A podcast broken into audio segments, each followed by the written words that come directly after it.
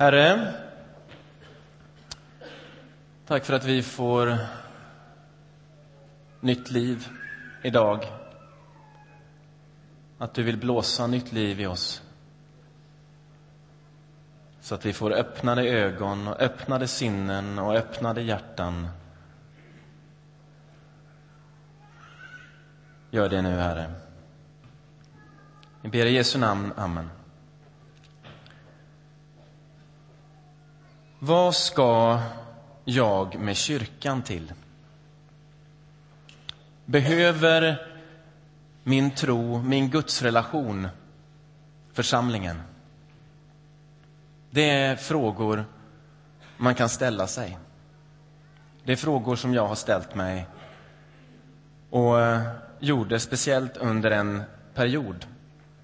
Jag hade kommit till Saron, jag hade mött en härlig församling, god undervisning, tillbedjan. Jag hade kommit med i en husgrupp, läste Bibeln, hade goda samtal. Men så var det så väldigt mycket fika, insåg jag. Det var så väldigt trevligt. Och så började en misstanke gnaga hos mig. Bygger det här verkligen upp min tro? Behöver min tro det här? Eller är det inte så snarare att det är på kammaren i bibel, med bibelläsningen och med bönen eller på retreat i stillhet, är det inte där som min tro verkligen stärks? Vad gör församlingen med min tro? Och det är en fråga som ju blir ännu mer viktig om det är så att man inte har goda erfarenheter av församlingen. Jag har alltså haft i princip bara goda erfarenheter av församlingen. Men jag har förstått att det finns många som har med sig mindre goda erfarenheter. Så, så pass jobbiga erfarenheter att man var tvungen att distansera sig från församlingen, kanske lämna församlingen för att hitta sig själv och för att hitta sin tro eller för att behålla sin gudsrelation då blir ju de frågorna ännu viktigare. De blir också viktiga i den tid vi lever. Vi lever i en individualistisk tid.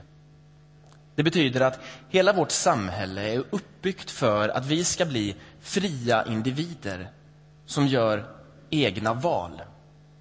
Och det börjar tidigt nu för tiden. Man väljer dagis, man väljer skola, på gymnasiet väljer man fler saker än vad jag för 20 år sedan valde och vad mina föräldrar för 40-50 år sedan valde. Val, val, val. Vilken pensionsfond, vilket elbolag, vilken mobiloperatör, vilket bredbandsbolag, vilket politiskt parti i riksdag, kommun och region. Vi översvämmas av val. Jag fick ett telefonsamtal en kväll av en trevlig ung man som ville förbättra mitt tv-utbud. Du kan sänka din kostnad med 25 procent och du får under ett år titta på all film som du vill. Det låter fantastiskt bra, sa jag, så trevligt jag kunde. För att eh, jag försöker vara trevlig mot telefonförsäljare. Men nej tack. Jag tror inte du hörde riktigt. Jag kan sänka din kostnad med 25 procent och du kan få titta på hur mycket film du vill under ett år om du byter till vårt tv-bolag. Nej tack. Och det märktes att han förstod inte. Han hade ett erbjudande som inte gick att säga nej till och jag sa ändå nej. Så jag var tvungen att förklara. Jag, eh, jag klarar inte fler val jag har bestämt mig, nu har jag det tv-bolag jag har, nu har jag det mobilbolag jag har. Jag vill inte välja mer, jag vill inte lägga mer tid på detta. Nu räcker det. Och så pratade vi lite grann och så fick han fortsätta med oförrättat ärende till någon annan kund. Det går att raljera över alla de här valen, men det är förstås så att det är en oerhörd gåva till oss i den här tiden att vi får så många val, att vi har en sån frihet. Att vi faktiskt får bestämma hur våra liv ska se ut själva. Jag eh, fick inte med mig så mycket undervisning om Jesus när jag växte upp. Utan jag fick, mest av allt skulle jag tro, en undervisning om frihet. Tänk själv, välj själv, vi har förtroende för dig. Och i den friheten så hittade jag Jesus och valde Jesus. Så att jag kan inte raljera över friheten. Den är fantastisk. Men det finns en baksida. Och det är att vi blir individualister. Det vill säga, våra hjärnor de präglas av individualism. Därför att livet är ett projekt som jag ska fixa och lösa, sätta ihop. Och då finns det en risk att den människosynen stöter in i Bibelns människosyn. Och Bibelns syn på hur man kommer till tro, hur man tror, hur man lever med Gud. Därför att det är väldigt tydligt, ända från början och fortsättningsvis, att tron i Gamla testamentet, den ges till ett folk, Guds folk. Det är Guds folk som, som bär tron och som sviker tron och som får tron och gudsrelationen förnyad på grund av Guds barmhärtighet. Och så fortsätter gudstron genom Gamla testamentet med Israels tolv stammar och så kommer vi till Nya testamentet där Jesus personifierar gudstron på ett nytt sätt. Och då samlar han tolv lärjungar omkring sig. Så Israels folk fortsätter, Guds folk fortsätter. Och så bildas den första församlingen. Och så sprider sig församlingar ut över Medelhavet. Och så kommer vi till Efesos dit Paulus antagligen skriver de här orden till församlingen i Efesos som vi har läst, som Ingmar läste. Och där förklarar han för den här församlingen vad som finns att få i tron. Vad finns att få i tron? Jo, det finns att få Powerpoint-maskiner.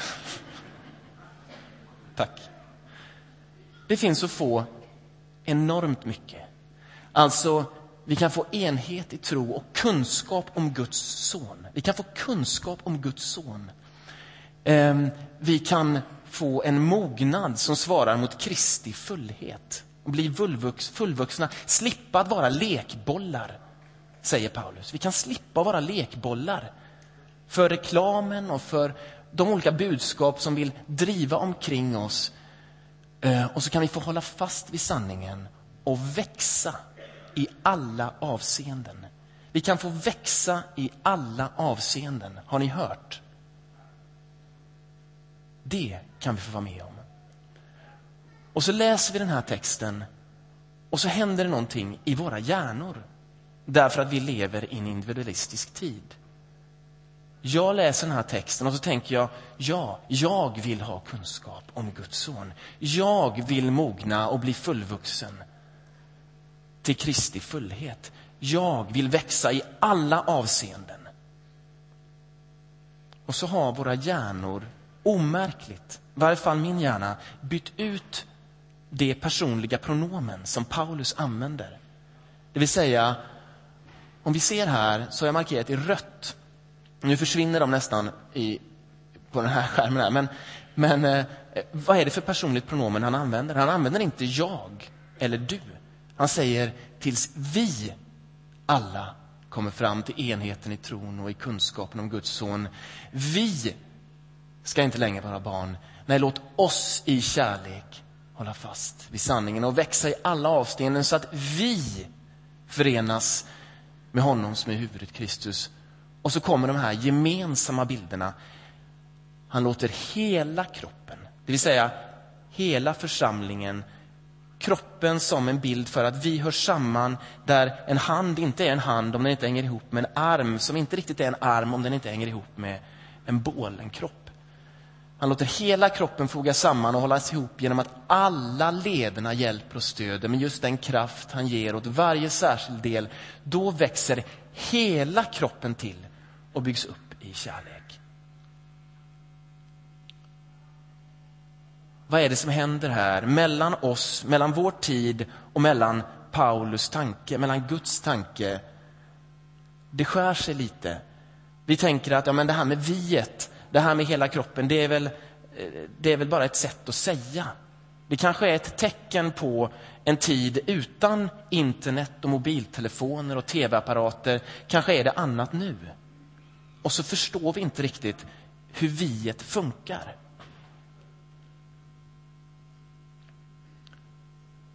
På universitetet så forskar jag om evidensbaserad medicin i ämnet vetenskapsteori.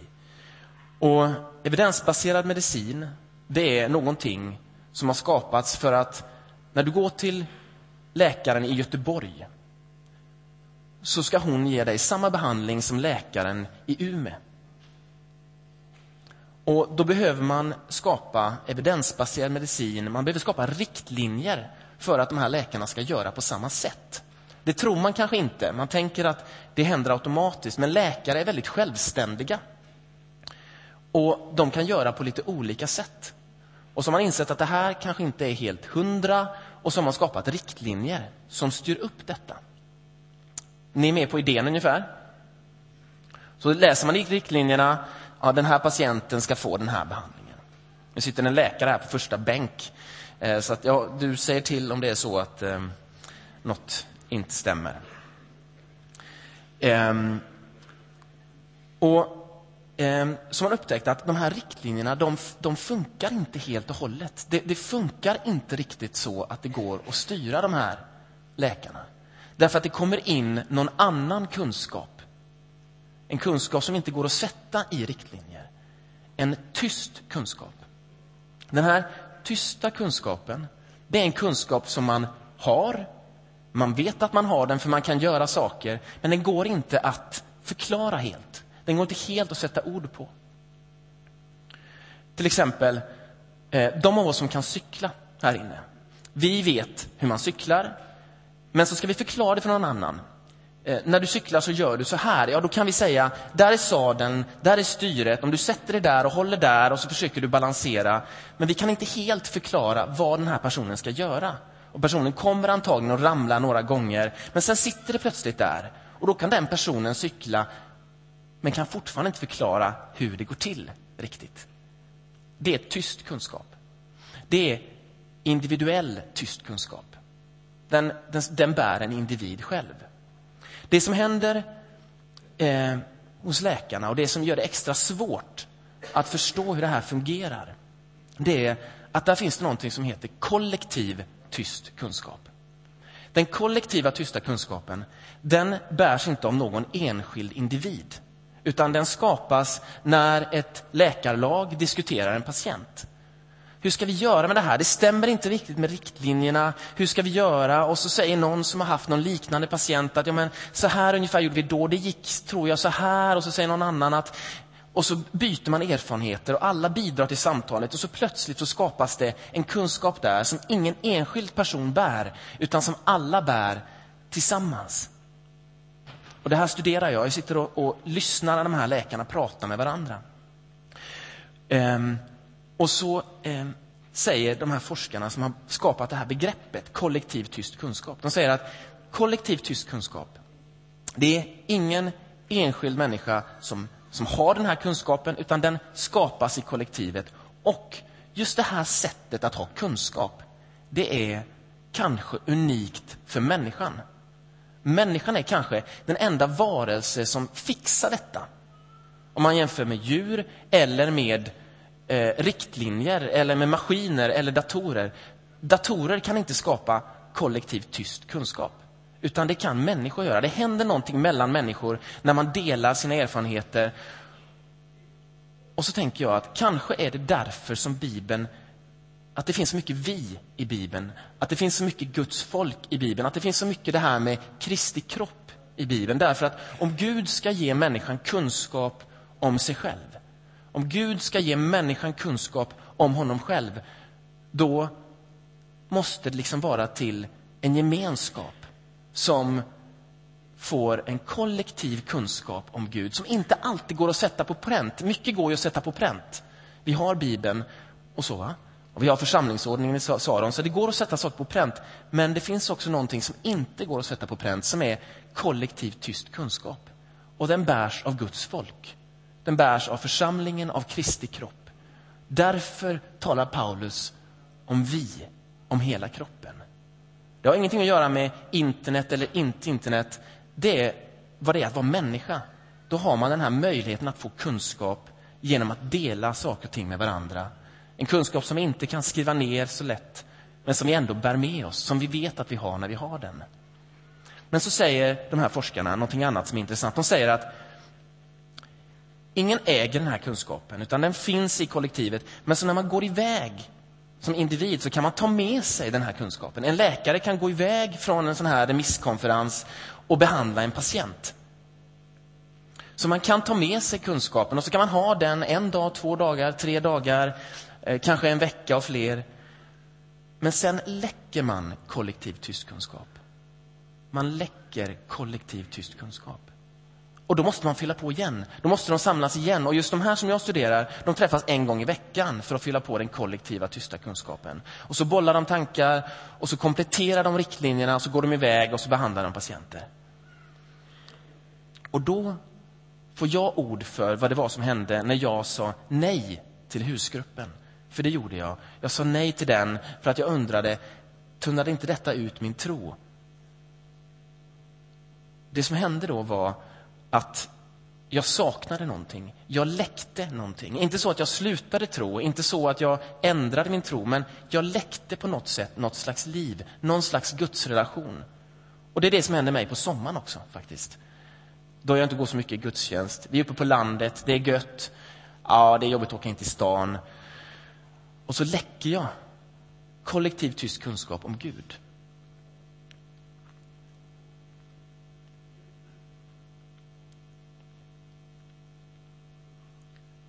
Kollektiv tyst kunskap om Gud, kunskap om Guds son eh, som gör att jag kan mogna tillsammans med församlingen, som gör att vi tillsammans kan mogna. Och så använder Paulus det här hela kroppen.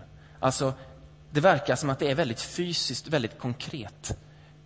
Jag kan vara en del av Guds rike på sommarstugan. Jag kan vara en del av Guds folk på sommarstugan. Men om jag ska få den här, det här livet, den här kunskapen, så måste det vara konkret. Jag måste möta er för att få del av det och dela mina tankar, mina erfarenheter med er. Det måste ske konkret. Och när jag gör det, då, då händer någonting. Han låter hela kroppen, ah, precis då, han låter hela kroppen, eh, tillbaka till den bilden där, han låter hela kroppen fogas samman och hållas ihop genom att alla lederna hjälper och stöder med just den kraft han ger åt varje särskild del. När jag fogar mig själv till er, när ni fogar er till varandra, när vi fogas till varandra, då ser vi att vi har fått en kraft som hör till just vår del.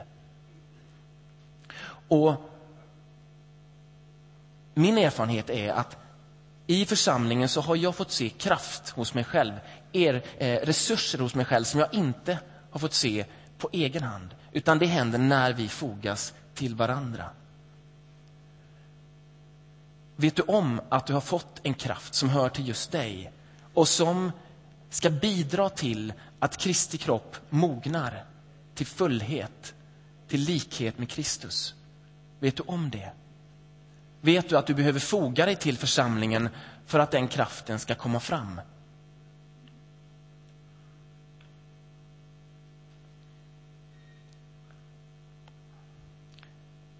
I Saronförsamlingen så gör vi detta konkret. Vi fogar oss till varandra konkret i åtminstone fyra situationer. I fyra, vi har fyra möjligheter för att fogas till varandra beroende på din överlåtelse, beroende på var du är, så, så har vi olika överlåtelseformer. Eh, en bild om... Det, det, första är husgruppen. I små grupper som man överlåter sig till på ganska lång tid, åtminstone en termin, så träffas vi åtta till tio personer, ungefär. Vi läser Bibeln, vi ber, käkar någonting och det är ganska intimt finns det en liknande gemenskap som heter huskyrkan. Det är inte samma sak som husgrupp, utan huskyrkan den träffas sex gånger per termin, lite färre gånger alltså. Och det är 20-30 personer, man kan komma en gång och så kan man testa en annan huskyrka. Men det är också bön och bibelläsning. Eh, därför att det är lätt hänt att man kommer bort i den här stora gruppen. Man behöver husgruppen eller huskyrkan. Och sen har vi två andra sammanhang som påminner om de här. Alfa-kursen, som bygger på ett föredrag och sedan sätter man sig i små grupper och samtalar. Och där är poängen att det inte finns några rätta svar. Det finns inga... Eh, det enda som är förbjudet är att jag säger det där är fel. Det får man inte säga. Utan alla bidrar med just det som du har blivit given. Och så, jag har varit med på det här tre gånger, så går jag därifrån från de här kvällarna och så känner jag att jag visste inte att jag var så här troende. Jag visste inte att jag tänkte de här sakerna, att jag trodde de här sakerna. Och så har jag fått nytt liv. Därför att vi har delat med varandra och fått någon slags kollektiv tyst kunskap om Gud. Och så finns det ett sammanhang som är lite som alfakursen, men lite mindre överlåtenhet. Alfakursen det går du under tio gånger på en termin. Samtal pågår som är tre gånger per termin. Man kan komma en gång och inte, inte nästa gång. Eh, ett föredrag och så fria samtal, ungefär som alfakursen. Eh, I vår handlar det om vad ska vi med kyrkan till? Är kyrkan passé? Karl-Henrik Jaktlund kommer om tio dagar, 2 februari, och talar om detta på jakt efter framtidens kyrka. Eh, journalist och tidigare pastor och, och, nu författare. Kom till de här, eh, kom till de här eh, sammanhangen. Därför att du behövs. Du behövs. Det är möjligt att du får en känsla när du är med om en sån här gudstjänst. Du hör Joakim och hans band, du hör mig, du hör Ingmar. Och då kan det krypa sig på en känsla av att den här församlingen är färdig. Den här församlingen är inte färdig. Den här församlingen är på väg att växa till mognad, växa till Kristi fullhet. Och för det så behövs varje del med just den kraft som är given åt dig. Den här församlingen är inte färdig. Vi behöver dig. Vi behöver mig. Vi behöver dig. Så är du ny i stan, så kom till lilla salen där. Är det också så att du inte är ny i stan och inte ny i Saron, men ändå känner dig som ny i Saron, för det är väldigt lätt att känna sig så. Kom gärna till lilla salen efteråt. Herre, jag ber nu för, för den som eh, sitter på läktaren, den som sitter på distans och som känner att här är det redan färdigt. Herre, låt oss ana vilken kraft du har givit just oss. Låt oss ana hur vi kan fogas till varandra. Låt oss ana vad som händer när vi hjälper och stödjer varandra. Om det är husgrupper, eller huskyrkor, eller alfakurser, eller samtal pågår, eller något annat sammanhang. Att vi fick fatt i det. Att om vi ska mogna, om vi ska få kunskap om dig, om vi ska växa i alla avseenden, då gör vi det tillsammans. Herre, så vill jag be speciellt för den som har lite sämre erfarenheter av kyrka och församling. Herre, eh, låt oss få del av de erfarenheterna. Låt oss få del av den kraften i den här församlingen. Så att vi får mogna tillsammans, så att vi får växa tillsammans. Jag ber om ett sånt mirakel, Herre. Att vi skulle få börja om igen. Tillsammans. I Jesu namn. Amen.